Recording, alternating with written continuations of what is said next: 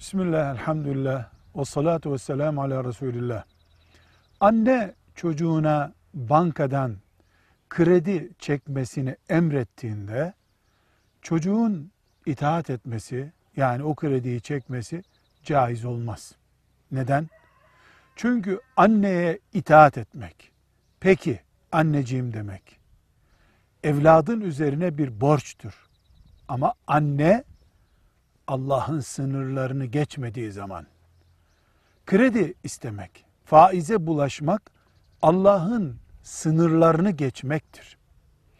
Evlat annesinin adına da olsa bankadan kredi aldığı zaman Allah'ın haramlarının en büyüklerinden bir, iki, en fazla üçüncüsü olan büyük bir harama faize girmiş olur.